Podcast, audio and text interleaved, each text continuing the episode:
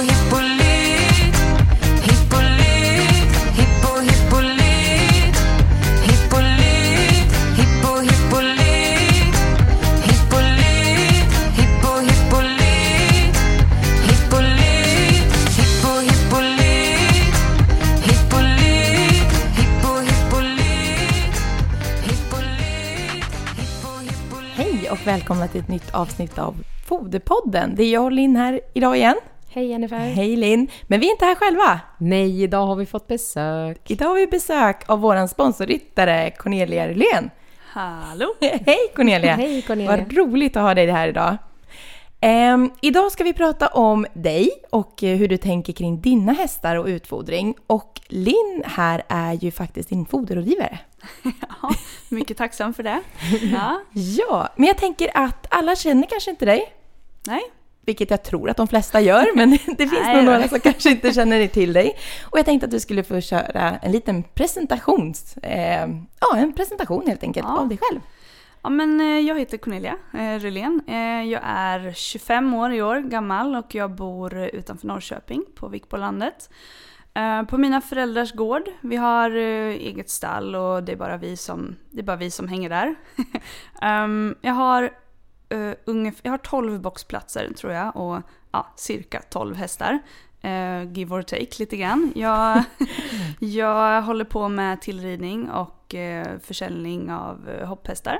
Ehm, jobbar mycket med att lösa problem och få ut hästar på tävlingsbanorna och har även många egna hästar eh, tillsammans med mina föräldrar som stöttar mig där. Ehm, ja, Lite uppfödning har ni. Ja, ja, det är dessa då gamla problemhästar som eh, ej funkade helt super i hoppningen som fick bli avelshästar eller skadade hästar. Så det är lite en blandad kompott där på egentligen helt fantastiska hästar men som ja, inte höll hela vägen för de skulle. Mm. Så där har vi lite småglin också. Ja. Härligt! Mm. Ja, jag tänkte att vi Börja med att prata lite vad du tycker är viktigt för dig i utfodringen av dina hästar. Alltså, för mig är det att hästen ska må bra och eh, det, det, man får utgå från det och börja med att ta hjälp helt enkelt. För jag mm, kan ju säga direkt har inte stenkoll och då tar jag Linn här till hjälp väldigt mycket och mina föräldrar som har mycket längre erfarenhet än vad jag har. Och så utgår man ifrån det, man tar hjälp och kollar över alla hästar och ser till så att de mår bra. Och det är helt enkelt alltså, det är där man får utgå ifrån, att de ska må så bra som möjligt. Jag tänker lite grann att som, som du säger, ni är ju flera stycken runt dig som hjälps åt med hästarna där ni har lite olika funktioner. Ja. Eh, och utfodringsmässigt så vet jag ju att din mor Eva och jag hjälps åt väldigt mycket för att justera dina foderstater till hästarna. Så att det blir så eh, anpassat som möjligt till alla hästar. Precis. Jag, jag fokuserar mitt krut främst på att rida och känna av hur, hur de känns utefter det Linn och min mor kommer fram till. Eh, sen är jag med och bollar lite grann men jag, mest koll har mamma och Linn. Det är jättebra när man kan hjälpas åt på det sättet. Ja, vilket eh, system. Ja. Fantastiskt. Det är toppen. Ja. Ja, hur tänker ni lite när ni väljer grovfoder? Har ni en producent som ni alltid köper av eller producerar ni själva? Och tar ni egna analyser eller? Eh, vi gör lite både och. Eh, vi har ett eh, fält som vi tar silage på från själva. Um, men vi, främst den största delen köper vi in. Och där tar vi egna analyser på det fodret. Eh, men eh, även här är det inte jag som är mest delaktig utan jag är bara glad att de har mat att äta. Och Ja, ni- det är ju en och jag, och jag kan ju säga då som räknat mycket på era analyser att ni har ju väldigt bra grovfoder, en väldigt bra grund att stå på vad det gäller alla era grovfoder som ni har haft. Sen eh, hade ni också, eh, skulle jag säga, några konsekvenser kanske av förra året då, 2018, där det var lite större problem att få tag i grovfoder, där ni fick tag i ett grovfoder, eller där era värden framförallt låg väldigt högt. Och där vi fick göra lite justeringar i foderstaten efter det, för det var högt med både energi och protein, eh, mycket mer än vad ni brukade ha. Men i övrigt så har ni haft fantastiskt bra grovfoder hela vägen. Ja. Så att det är en bra grund att stå på. Ja men det känns skönt. Då vet man att den där grunden tar en framåt liksom och så har man, får man hjälp med vad som behövs och kompletteras eh, med ut efter det. Mm. Det känns bra. Ja, har ni, an- använder ni samma grovfoder till alla hästar eller har ni olika kategorier som går på olika grovfoder eller hur tänker ni där? Eh, Vi kör främst samma. Vi har kanske inte alla möjligheter att variera till alla utan eh, man köper tre balar åt gången och, och det är vad det är lite grann. Sen har vi tur att det är bra. Um, Men och i dagsläget och, och senaste tiden har vi inte haft några större problem med hästarna på det viset så de klarar sig på, på samma och som sagt så kompletterar man utefter de behov de har individuellt. Och ni har ju generellt sett i ditt stall så är det ju först och främst högpresterande hästar. Ja. Och det är ju en del dräktiga eh, och kanske digivande ston då, eller unghästar. Och alla de här hästkategorierna har ju ett högre behov. Det är ju inte så att du har hästar som kanske är eh, lättfödda och eh, kanske kallblodsraser på det här viset, utan det är ju Nej. högpresterande hästar. Så de har lite åt liknande De behov. kan göra av med det de får. Ja, så att det är inte fel att ni har ett grovfoder som kanske innehåller lite mer. Precis. Ja, då tänker jag, du nämner lite presterande hästar, du har ju högpresterande hästar. Men hur tänker du, vad klassar du som en högpresterande häst i ditt stall? Vad, hur mycket rider du dina hästar och som är ändå på, på hög nivå? De går, ehm, de går ganska ordentligt. Vi har eh, en skrittmaskin som vi är väldigt glada i. Så de allra flesta hästarna går 45 minuter om dagen i den, minst. Ofta två gånger om dagen. Ehm, och så rids de sex dagar i veckan ungefär. Ehm, sen får de viloperioder också såklart. Men eh, ja, de som går mest är sex dagar i veckan och eh, varierat med ridning och arbete från marken. Säg att de går i snitt 45 minuter om dagen då när de rids, ibland mer, ibland mindre. Eh, intensiv träning kanske en till två dagar i veckan och då tänker jag galopparbete eller eh, gymnastik, hård gymnastik. Eh, och sen tävlingar eh, på det som är ja, i snitt varannan helg kanske, eh, lite mindre nu. Så de, de jobbar på. Ja, verkligen. Och det, det är ju någonting man också ska tänka på när man gör sin foderstat och hur man beräknar foderstaten till de olika individerna, hur mycket de faktiskt tränas och är igång. Ja. Och som du säger så gör de nog av med en del i den träningen. ja, de är, de är glada i sitt bra grovfoder. Ja. eh, ja, skiljer sig foderstaten någonting mellan de högpresterande hästarna och de som kanske inte presterar lika mycket? Har ni lite olika tänk där? Och... Ja, alltså alla hästar som jag rider går egentligen ganska hårt, mer eller mindre. Så i grund och botten får de ganska lika. Vissa har mer energi eh, från eh, till exempel strukturen som jag upplever är väldigt bra och vissa har en lite, lite lättare foder. Um, sen handlar det mer om att de som går allra, allra mest, de kanske man till, lägger till lite extra när det, en, när det blir en extra stor prestation. Liksom. Men eh, grunden är väl detsamma egentligen för de som rids eftersom att eh, de går ganska ordentligt eh, och behöver det de, det de vill ha. Ja, och hur tänker du lite kring utfodringen under året? Skiljer det sig någonting eller hur tänker du där? Jag tänker om ni har kanske lite mer uppbyggnadsfas och sen så lite mer intensivare fas eller hur ser det ut? Eh, Under alltså, de, de går ju egentligen året runt, eh, alla hästar som rids. Sen får de väl de får viloperioder när det passar in i tävlingssäsongen, vilket kanske blir i slutet av, av året, någon, några veckor och någon gång kanske i slutet av sommaren också, men generellt inte. Eh, och nej, de, de får ganska mycket hela tiden, för de går ganska mycket hela tiden. Och sen som vi har pratat om i tidigare avsnitt också, att även hästar som går ett lättare arbete eller som kanske till och med inte går alls under perioder, de har ju ett grundläggande behov och bland annat då vitaminer och mineraler som vi behöver tillsätta utöver att ha hästarna på ett grovfoder. Så att det behöver man ju se till att tillföra ändå, även om hästen under en period går lite mindre.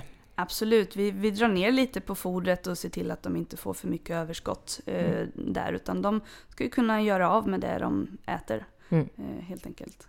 Men jag tänker då, stor, de lite längre perioderna så är det egentligen ganska lika. Mm. Eftersom att de går. Mm. Hur tänker ni lite kring en eh, tävlingshelg då? Gör ni, har ni specifika sådär, eh, ja men booster ni går in med eller hur tänker ni? Behåller ni samma foderstater eller gör ni några justeringar inför en viktig, viktig prestation eller? Nej, men de, de ska ju äta det de är vana vid. Sen, sen brukar vi alltid eh, kanske öka på mängden mash, eh, Irish mash, redan en vecka innan. Nu får de en gång om dagen, eh, men annars kanske de får två gånger vissa, vissa dagar även innan tävling. För under hela tävlingshelgen så ger vi eh, mash två gånger om dagen. Eh, för de tycker om det väldigt mycket och då dricker de, då vet vi att de dricker. Och vi, har, eh, vi upplever verkligen att det blir skillnad i, i deras magar eh, på grund av mashen och, och då, då ger de hellre 17 gånger för mycket eller för ofta än, eh, än för lite just när de står still väldigt mycket, vilket de inte är vana vid på tävling. Ehm, och vi ökar heller inte kraftfodret eftersom att de, även om de presterar mycket på tävling så står de ju också still största delen av, av tiden. När hemma går de i hagen hela dagarna. Um, men vi, vi brukar lägga till eh, supercondition innan starter eh, under hela helgen. Eh, de lite, de lite, lite tråkigare hästarna, uttryckt, milt uttryckt, eh, får, får några dagar innan supercondition för att pigga till sig lite grann. Eh, så det upplever jag funkar bra. Upplever att det är svårt? Jag tänker just eh, när, du, när ni reser att ha med i grovfoder. Du sa just att du vill ju fodra så likt som Mm. möjligt hemma såklart eftersom annars blir det foderbyten också. Mm. Hur tycker ni att det löser sig med grovfoder när ni är ute och åker? Mm, ja, men vi, vi är väldigt duktiga på att packa. eh, och vi kör en extra bil om vi måste. Eh, så de här helgerna då man är borta bara en helg, säg kanske torsdag till söndag eller onsdag till söndag, så då får vi med oss till tre till fyra hästar, då, då får vi med oss deras egna grovfoder i stora fina Sankt Hippolyt höpåsar. Eh, och, eh, men det är svårt när man åker utomlands och man vet inte vad man, eh, vad man ska få. Utan det, det, det är bara att försöka vänja in dem så, så bra som möjligt och ha med sig Ja, men där, där tar jag nog råd eh, eller tar hjälp innan eh, vad, vad jag kommer behöva förbereda mig med till hästarna. Mm. Jag vet att vi har använt sådana här um, kuber. Um, Grovfoderblock kan man säga. Precis. Ja. ehm, som ett komplement när vi, när vi är iväg länge och de behöver något att pilla med. Men det har varit lite varierade eh, åsikter om, om dem Mm. bland mina hästar. Ja, det är i, i smaklighet så att Ja, säga. Ja. precis. Och visst- Smaken är som baken. Ja, de- Och sen är det ju också eh, vissa hästar som när de är ute och reser har lite, alltså kan ha lite svårt Ja. att komma till ro och stå och äta. Ja, av den anledningen också. hemma gick de åt sen när Mm. de inte åt sup Nej. på tävlingen. Nej. Mm. Har ni några speciella strategier kring om ni ska transportera dem väldigt länge också? Eller har ni några tänk där kring? Ja, det är att ge mash i, i oändlighet eh, för oss. Det är det vi, vi har egentligen, eller vi, har, vi märker stor skillnad på mashen. Jag, jag älskar den mer, mer än allt annat egentligen. Men för vi har haft lite kolikhästar någon gång ibland. Men, och, och då har det ofta varit när man kanske, äh, de behöver nog bara mash eh, ibland. Men nu, nu får de varje dag och två gånger om dagen om de går väldigt hårt eller tävlar. Och det, det, vi har inga problem längre. Och då är det även vid transporter och då tänker jag att varför, varför inte? Mm. Så, de, så fort vi har möjlighet så, så får de mash när Mm. vi åker. Det är toppen. Du nämnde lite att ni har haft lite problem med kolik tidigare. Ja. Eh, jag tänker lite om det är någon gång ni har haft problem kring utfodringen och som du specifikt kan tänka. Ja, På, eh, vi hade en, en häst som, som fick kolik. Eh, jag, jag tror det vart eh, ett stopp, alltså foder, vad det nu heter. Eh, och, och ehm, Förstoppning. ja, helt enkelt. Mm. Ehm, och det, det löste vi, eller det gick över. Vi, den, den fick dropp och den fick diverse olika saker. Ehm, och då började vi ge den eh, um, Linustar, alltså lin, linfrön. Eh, och, och mash då, mycket, mycket, mycket märs.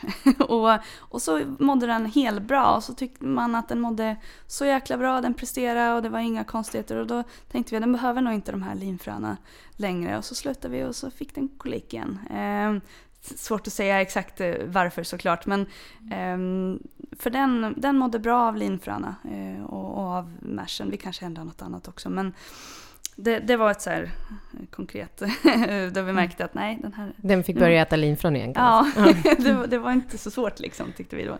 Nej. Ehm, och nej men det var som jag sa innan att sen, sen, vi, har, sen vi ger dem mash varje dag så har vi, inga, har vi inte sett några problem. Och det, vi har varit problemfria så att säga, på den fronten i ja, ett par år i alla fall. Sen kan ju allt hända men det känns som att ju mer vi investerar i, i mash och och, eh, och välmående magar desto Bäst och Mindre bättre problem har vi. mår hästarna. Ja.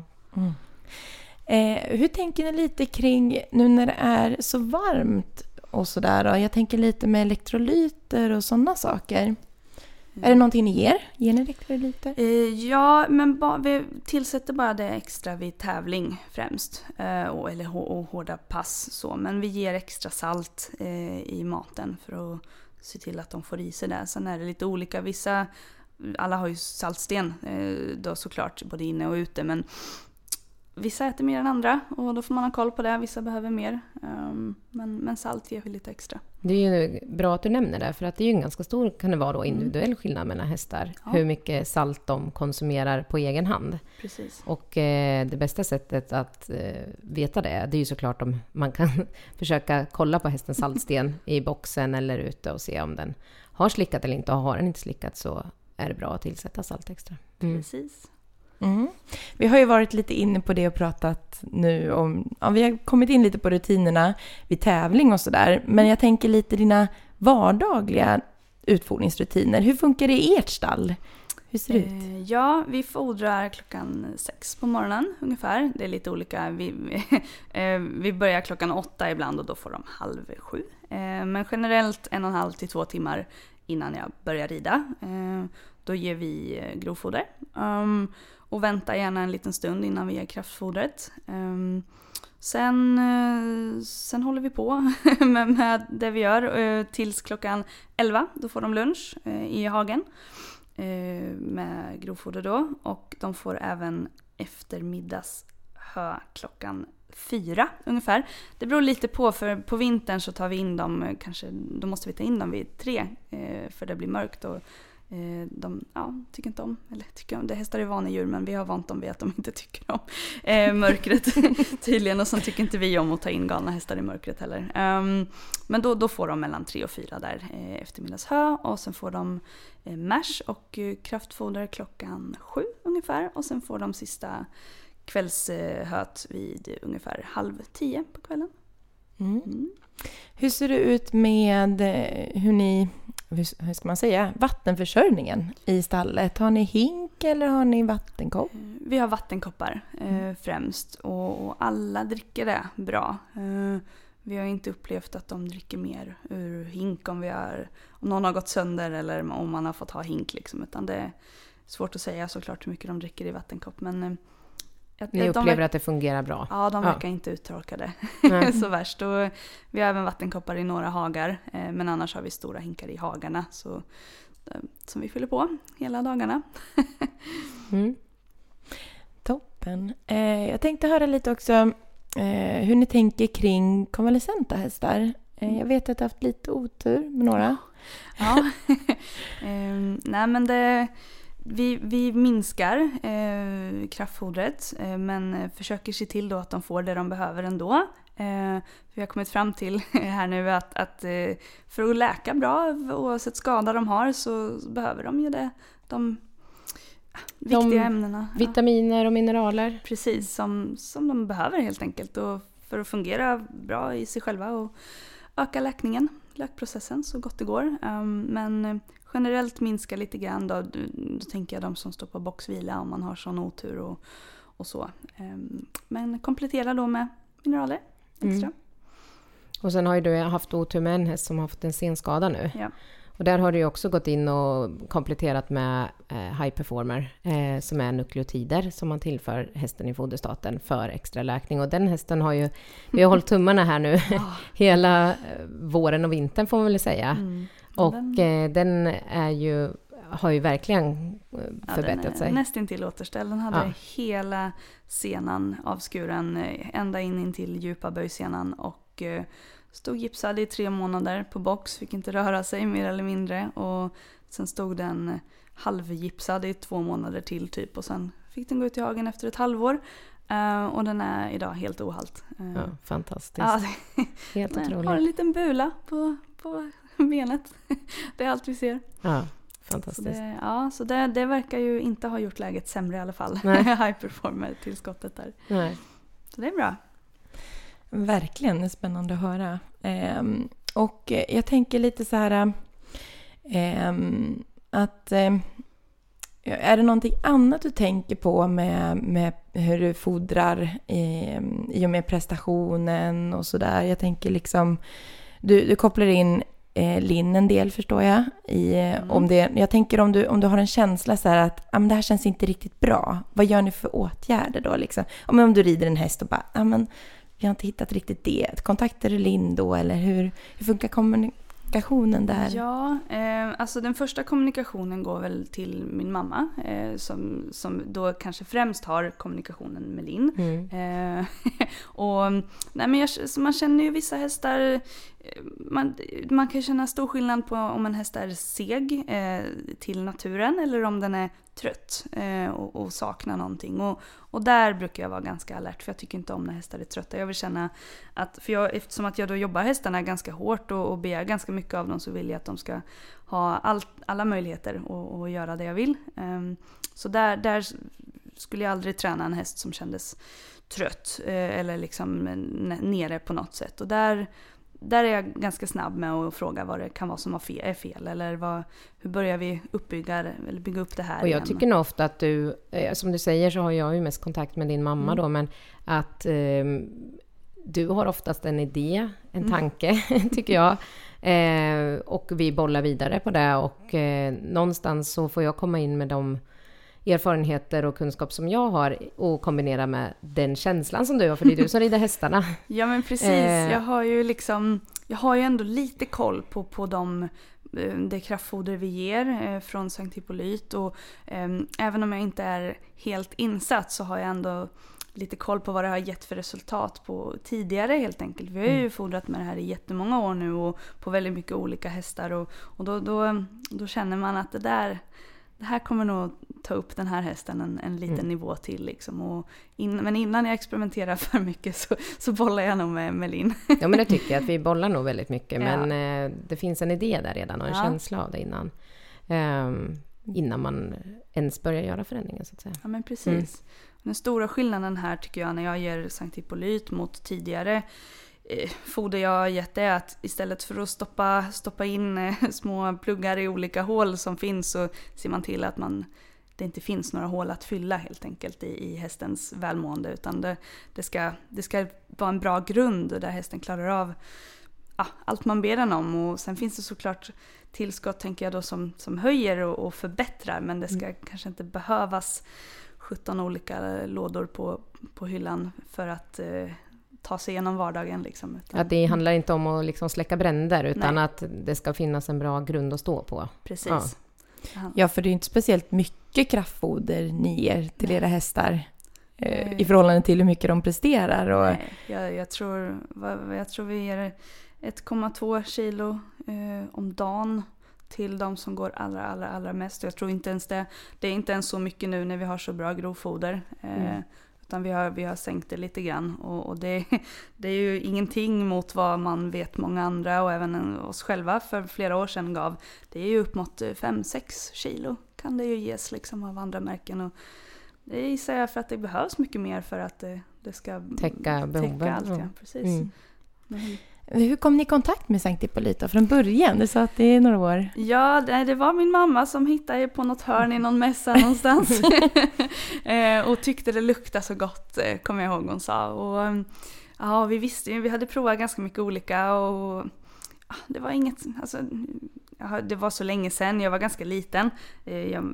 Och, och, så jag har svårt att säga exakt hur, hur något av det funkar, men jag minns det här, de här lådorna, alltså alla olika tillskott som behövdes och eh, alla kilo man gav och, och ändå visste man inte riktigt varför eller vad gav det här och varför varför är det här bättre för den där hästen liksom. Utan man, det, det var en snygg etikett på, på någon påse liksom och det var någon duktig som gav det. Eh, och det var, ja, det skulle funka då. Men det, nej, vi, vi kom i kontakt med det där och, och sen dess, alltså vi har inte ångrat oss en dag alltså. Vi, vi börjar ju alltså, köpa in fodret. Jag har ju inte alltid varit eh, varken sponsorryttare eller återförsäljare och, utan eh, jag, och, ah, vilken skillnad det var. Jag, jag har ju haft så mycket problemhästar eh, och knäppa hästar och hästar som nej den kan inte äta havre, nej den tål ingenting, nej den blir galen då. Men alltså de, de äter i princip samma foder och de knäppa hästarna blir lugna och de eh, tråkiga hästarna blir glada. Alltså Mm. det, Så det, det är den här, att då vet man att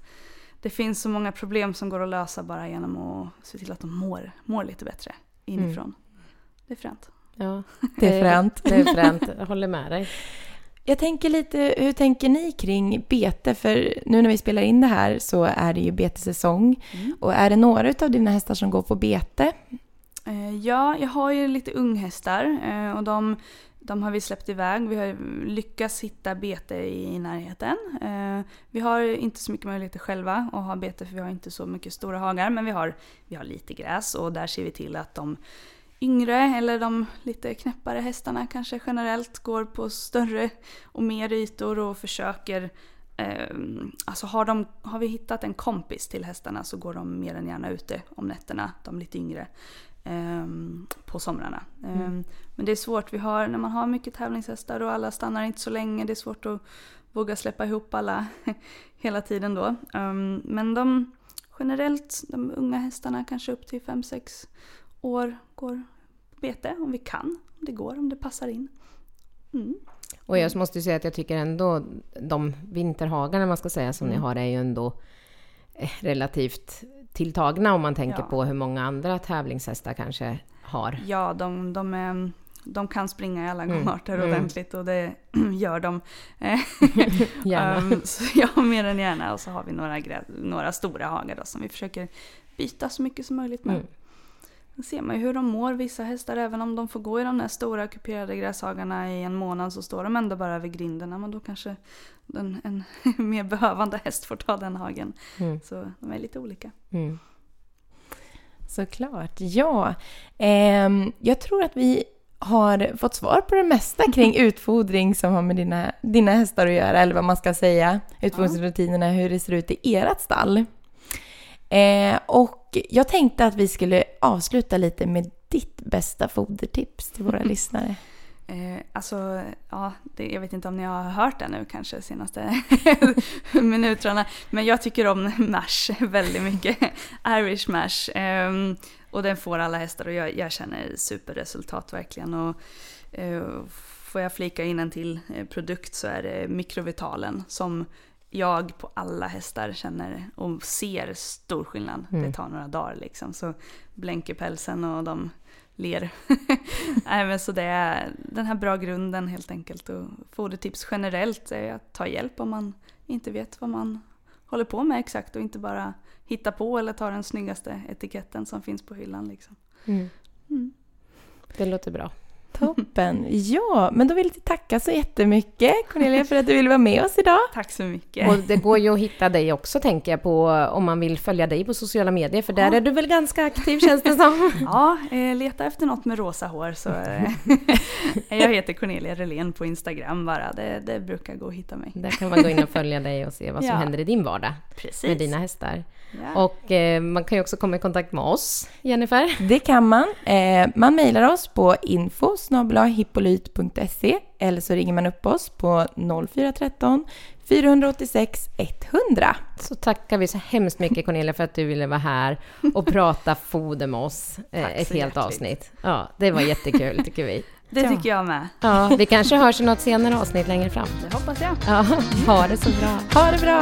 Hej då! Hej!